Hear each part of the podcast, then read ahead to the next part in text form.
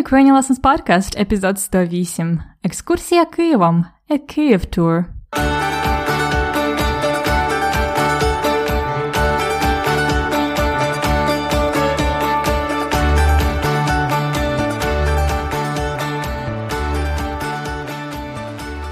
Привіт! Це Анна Огойко з новим епізодом подкасту Уроки української. Як у вас справи? У вас вже почалася весна чи осінь? В Україні почався березень. Хоча навесні погода може часто змінюватися, вже бувають теплі сонячні дні. Тоді українці люблять гуляти і проводити час на вулиці.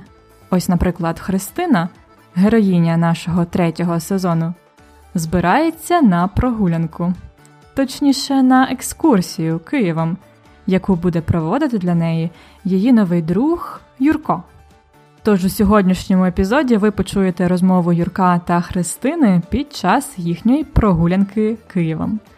Можливо, ви вже були в Києві і почуєте про знайомі місця. Також у розділі граматики я розповім вам сьогодні про особливу частину мови або форму дієслова, яка називається дієприкметник. То як? Готові починати новий урок української? До роботи! A quick translation to English now. In Ukraine, it's the beginning of March. Погода може часто змінюватися. The weather in spring can change frequently, but we already have warm, sunny days. Then Ukrainians love to walk and spend time outdoors. For example, Christina, the character of the third season, is about to go for a walk. Her new friend Yurko is going to give her a tour. Later today, you will listen to their conversation. If you have been to Kiev, maybe you will hear about some familiar places. Let's see. Then, in the grammar section, I will tell you about dia pragmatnik. It's a special part of speech or a verb form. То ви готові розпочинати? До роботи! Отже, сьогодні ви побуваєте на екскурсії. Екскурсія це коли ви відвідуєте якесь цікаве місце. Наприклад, е, може бути екскурсія у музей Другої світової війни, або екскурсія цікавими місцями Львова, чи екскурсія, наприклад, в Чорнобиль. Це дуже популярна екскурсія для іноземців. Тобто англійською екскурсія це a tour. Хоча в українській мові також є слово тур. Тур. Тур це не екскурсія, тур це подорож по різних місцях, по багатьох місцях. Наприклад, е, тур по середземноморських країнах. Середземноморські країни це Mediterranean countries. Тур по середземноморських країнах, тобто їх є багато. Це декілька країн, багато країн. Це, як е, можна сказати, також англійською a package tour. Тур. А екскурсія це просто в якесь цікаве місце або цікаве місто. Розумієте різницю? Отже, Юрко пообіцяв провести Христині екскурсію Києвом. У діалозі ви почуєте, що вони будуть на Подолі. Поділ це історичний район Києва. Зверніть увагу, Поділ на Подолі, чергування і О, Поділ на Подолі, Подолом, Подолу і так далі. То послухайте, будь ласка, розмову і дайте відповідь на запитання, що означає слово Поділ. What does the word Поділ mean? Besides the name of the neighborhood, what does it mean? Що означає слово Поділ? Готові? Слухайте екскурсію Києвом.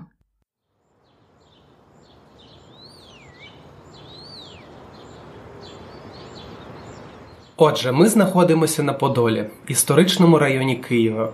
А що означає Поділ? Поділ це низина, місце внизу, тобто під пагорбами біля Дніпра. Ага, зрозуміло. Розпочинаємо нашу екскурсію з мого університету. Це Києво-Могилянська академія. Це найстаріший університет в Україні, заснований у 1615 році. Кілька років тому ми відзначали ювілей 400 років. Спочатку це була братська школа, яка з часом перетворилася на вищий навчальний заклад і успішно розвивалася, поки не була закрита на початку 19 століття. У 91-му році Могилянка була знову відкрита і зараз є одним з найпрестижніших навчальних закладів. Непогано. Дуже гарні тут споруди. Ти зараз там навчаєшся? Так, я навчаюся на аспірантурі і трохи викладаю також. Зрозуміло. А це що за величезна будівля навпроти? Це гостинний двір, Е, такий собі старовинний ринок. Він був збудований на початку 19 століття і вже давно зачинений на реставрацію. В наші дні ця будівля була приватизована, з нею хотіли зробити ще один торгівельний центр. Але кияни багато протестували, і зараз, на щастя, гостинний двір знову переданий державі. Це дуже гарна будівля. Шкода, що вона в такому поганому стані. Так, особливо як для центру міста. Сподіваємось, її колись нарешті відреставрують. Ходімо далі. Так, так. А той бар, де ми познайомились, десь тут недалеко, правильно? Хвильовий? Так, він он там, 5 хвилин звідси. До речі, той бар був створений могилянцями, студентами могилянки. Зрозуміло. Бачиш там червоненькі трамваї? Це одна з центральних трамвайних зупинок. Система трамваїв у Києві розвинена з кінця 19 століття. Перші трамваї в Києві були запущені у 1892 році. Ого! Я ніколи ще не їздила на трамваї в Києві. Хотілося б покататися. Добре. О, є ідея. Пропоную сісти на 12-й трамвай і поїхати в Пущу Водицю. Уявляєш, ми будемо їхати трамваєм крізь ліс, а там можемо погуляти на природі, покататися на озері, на човні. Як тобі? Ммм, гарна ідея. Чудовий день для природи. Добре, тоді екскурсію продовжимо з трамваю. Ось така цікава і детальна екскурсія. Трошки складний діалог, так? А що означає слово поділ? Ви зрозуміли? It could have been difficult to get. Юрко каже: поділ це низина. Низина a lowland. Низина. Місце внизу. A place below. Внизу. Тобто під пагорбами. Under the hills. Під пагорбами. Біля Дніпра. Near the Dnipro River. Поділ це низина. Місце внизу. Тобто під пагорбами. Біля Дніпра.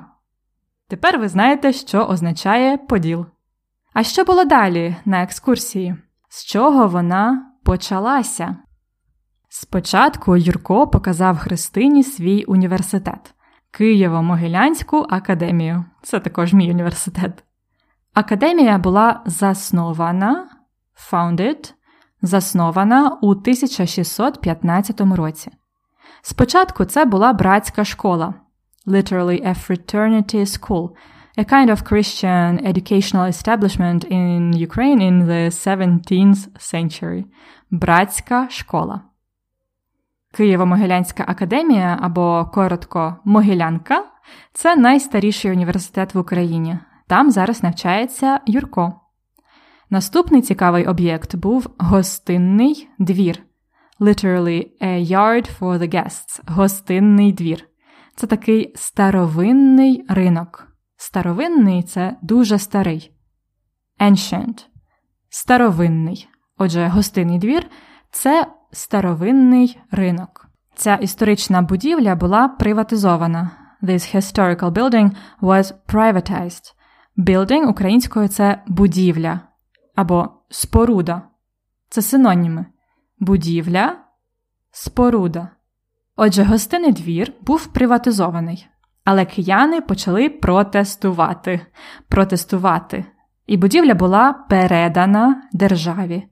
This building was transferred, передана to the state, державі.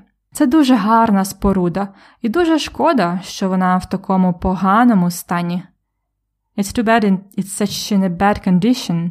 Поганий стан, condition, state. Юрко сподівається, що колись її нарешті відреставрують. Юрко hopes it will be restored one day. колись. Також на Подолі знаходиться той бар, у якому познайомились Христина з Юрком. Цей бар був заснований, again founded, могилянцями, студентами Могилянки Києво-Могилянської академії. Далі Юрко і Христина побачили трамвайну зупинку. У Києві дуже давно є трамваї, trams, трамваї. Трамваї були вперше запущені, were launched, запущені у 1892 році. У Юрка виникла ідея сісти в 12-й трамвай і поїхати в Пущу Водицю. Пуща Водиця це такий ліс, ліс у Києві.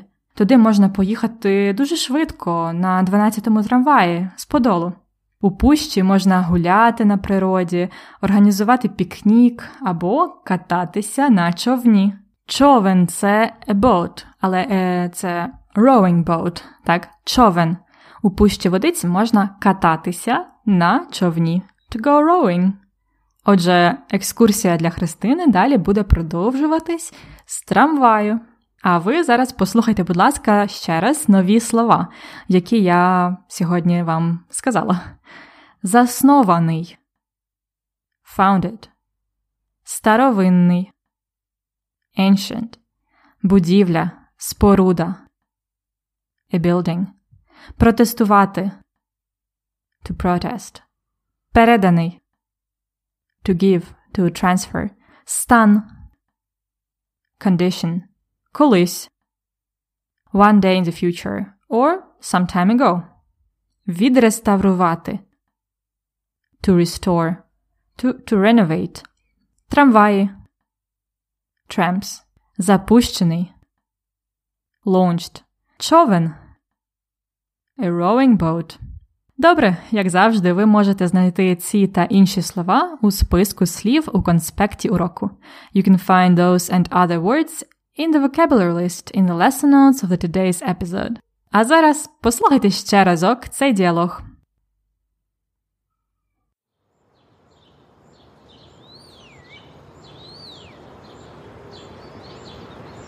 Отже, ми знаходимося на Подолі, історичному районі Києва.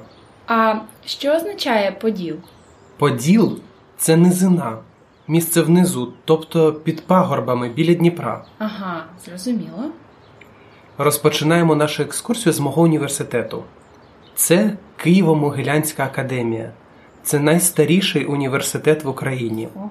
заснований у 1615 році. Кілька років тому ми відзначали ювілей 400 років. Спочатку це була братська школа, яка з часом перетворилася на вищий навчальний заклад і успішно розвивалася, поки не була закрита на початку 19 століття. У 91-му році Могилянка була знову відкрита і зараз є одним з найпрестижніших навчальних закладів. Непогано. Дуже гарні тут споруди. Ти зараз там навчаєшся? Так, я навчаюся на аспірантурі і трохи викладаю також. Зрозуміло. А це що за величезна будівля навпроти? Це гостинний двір, Е, такий собі старовинний ринок. Він був збудований на початку 19 століття і вже давно зачинений на реставрацію. В наші дні ця будівля була приватизована. З нею хотіли зробити ще один торгівельний центр. Але кияни багато протестували, і зараз, на щастя, гостинний двір знову переданий державі. Це дуже гарна будівля. Шкода, що вона в такому поганому стані.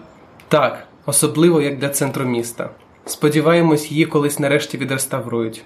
Ходімо далі. Так, так. А той бар, де ми познайомились, десь тут недалеко, правильно? Хвильовий? Так, він отам, 5 хвилин звідси. До речі, той бар був створений могилянцями, студентами могилянки. Зрозуміло. Бачиш там червоненькі трамваї? Це одна з центральних трамвайних зупинок. Система трамваїв у Києві розвинена з кінця 19 століття. Перші трамваї в Києві були запущені у 1892 році. Ого! Я ніколи ще не їздила на трамваї в Києві. Хотілося б покататися. Добре. О, є ідея. Пропоную сісти на 12-й трамвай і поїхати в Пущу Водицю. Уявляєш, ми будемо їхати трамваєм крізь ліс, А там можемо погуляти на природі, покататися на озері, на човні. Як тобі? Ммм, гарна ідея. Чудовий день для природи. Добре, тоді екскурсію продовжимо з трамваю. As for the grammar point today, I would like to introduce to you one more special category of words, or a part of speech. Remember last time we talked about дієприслівник. It's a word that combines the properties of дієслово і прислівник. Like гуляючи. Гуляючи подолом, Христина побачила трамвайну зупинку. Гуляючи, walking – це дієприслівник. Today I want to teach you another special verb form – дієприкметник, which combines дієслово і прикметник. Правильно. Дієприкметник – це adjectival participle. There were some дієприкметники among the new words of today. Заснований – founded, переданий – transferred, запущений – launched. As you can hear even from English translation, these words describe a noun, but uh, they are formed from verbs. Академія була заснована. The academy was founded from the verb заснувати to found. Трамваї були запущені from the verb запустити to launch. So the adjectival participles or дієприкметники describe a quality of an object through its action or state, and they function as adjectives. Now there are two types of those participles, active and passive. Let's start with the active ones. Active participles describe a quality of object through the action of the object itself, like in стояча людина, a standing person. It's a person who is standing, not anyone else. Стояча людина, or дозрілий фрукт. Дозрілий – ripe. A fruit had become ripe. It ripened. Uh, так, дозрілий фрукт. To form those active uh, participles, we use sometimes suffixes ach, yach, uch, yuch. This way the words mean actions in the present tense, like стояча людина, працюючий годинник, a working clock. But again, stylistically, we prefer not to use those present tense participles with ach, yach, uch, yuch, there are really few of them. For the active participles in the past, we use the suffix l. Dozrili frukt, a ripe fruit, so it has become ripe already. Like it's the action was in the past. Dozrili frukt. So these were some examples of the active participles where the object is doing the action. On the contrary, the passive participles describe a quality of an object through the action regarding the object. So someone else was doing the action. Like in the conversation today, Університет був заснований. The university was founded by someone else. It didn't found itself on its own, right? Гостинний двір був зачинений на реставрацію. Гостинний двір was closed by someone else. Він був зачинений. So, заснований, зачинений are passive participles. They can be only used in the past and we use them much more often than the active participles. Just listen to some examples from the conversation. В наші дні ця будівля була приватизована. В наші дні ця будівля була приватизована. Nowadays, this building was privatized. It has been privatized. Приватизувати to privatize. Приватизований. Privatized. Here we use the suffix n and change uva to ova. Same pattern follow заснований from заснувати, збудований from збудувати. Another example. До речі, той бар був створений могилянцями, студентами могилянки. Зрозуміло. Той бар був створений могилянцями. That bar was created by Mohilians. Могилянці. Створити. To create створений, created. Here the suffix n is used, like in зачинений, closed, розвинений, developed. One more sentence. У 91-му році Могилянка була знову відкрита. У 91-му році Могилянка була знову відкрита. In 1991 Могилянка was reopened. Знову відкрита. Відкрити is to open. Відкритий opened. Here we use the suffix t, like in відкритий, закритий, also забутий, forgotten. All in all, it might be hard for you to learn how to transform the verbs into participles. Unless you're a big fan of grammar, I would suggest learning them as individual words and using them in practice. To start with, check out the exercises we prepared for you in the lesson notes of this episode.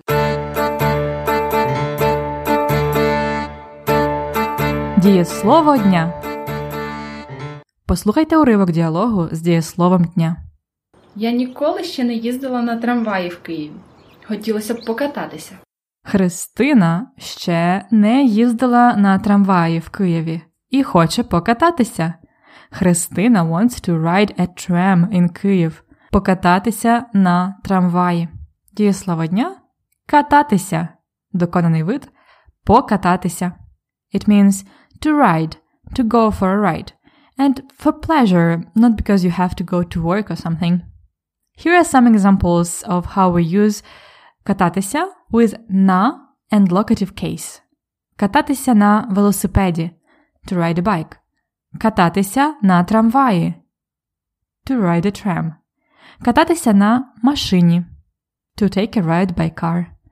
Кататися на човні to go rowing. Наприклад, у пущі водиці можна покататися на човні, а в Карпатах взимку можна покататися на лижах або на сноуборді. А ще можна кататися на американських гірках. To ride a roller coaster. Кататися на американських гірках. А зараз готові утворити форми дієслова кататися. Я катаюсь на човні. Ти що робиш? Ти катаєшся на човні. Катаєшся. Він катається. Це перша дієвідміна.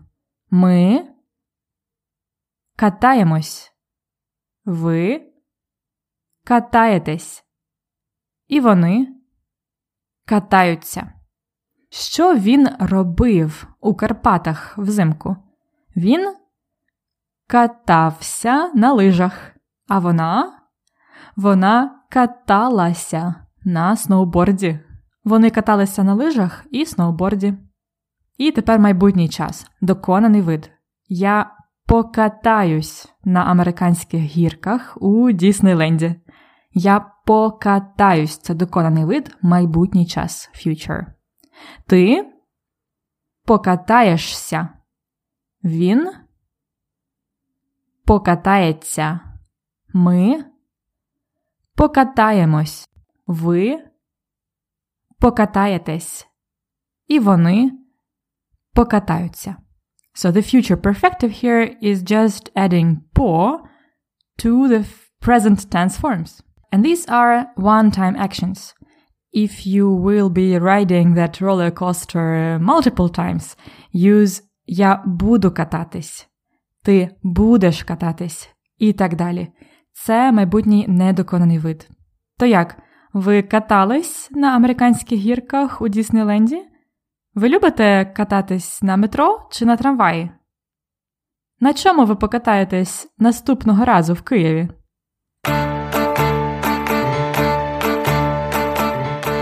Фразеологізм дня Юрко киянин. Тобто він народився в Києві. Він любить гуляти Києвом, знає там багато цікавих місць. Юрко знає Київ як свої п'ять пальців. Знати як свої п'ять пальців це фразологізм дня. Literally, знати як свої п'ять пальців means to know something like your own five fingers. It's to know something very well, like the back of one's hand. Юрко киянин, тому він знає Київ як свої п'ять пальців. Or another example. Я знаю цю стежку як свої п'ять пальців. Не заблудимось. I know this path very well. We won't get lost. Я знаю цю стежку як свої п'ять пальців. Не заблудимось. А яке місто чи місце в Україні ви знаєте як свої п'ять пальців?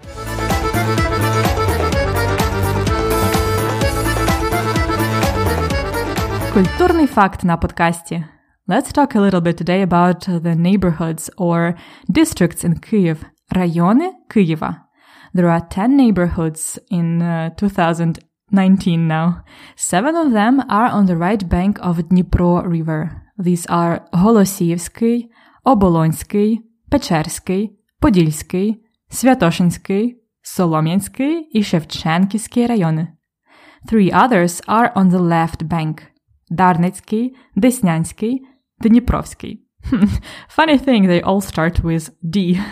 Darnitsky, Desnyansky, Dniprovsky.